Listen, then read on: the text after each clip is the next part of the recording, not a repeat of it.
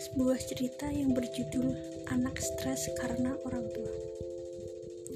Tanggal 18 Juli kemarin, Andi berkisah tentang nasib malang yang harus dialami oleh seorang gadis kecil berusia 6 tahun.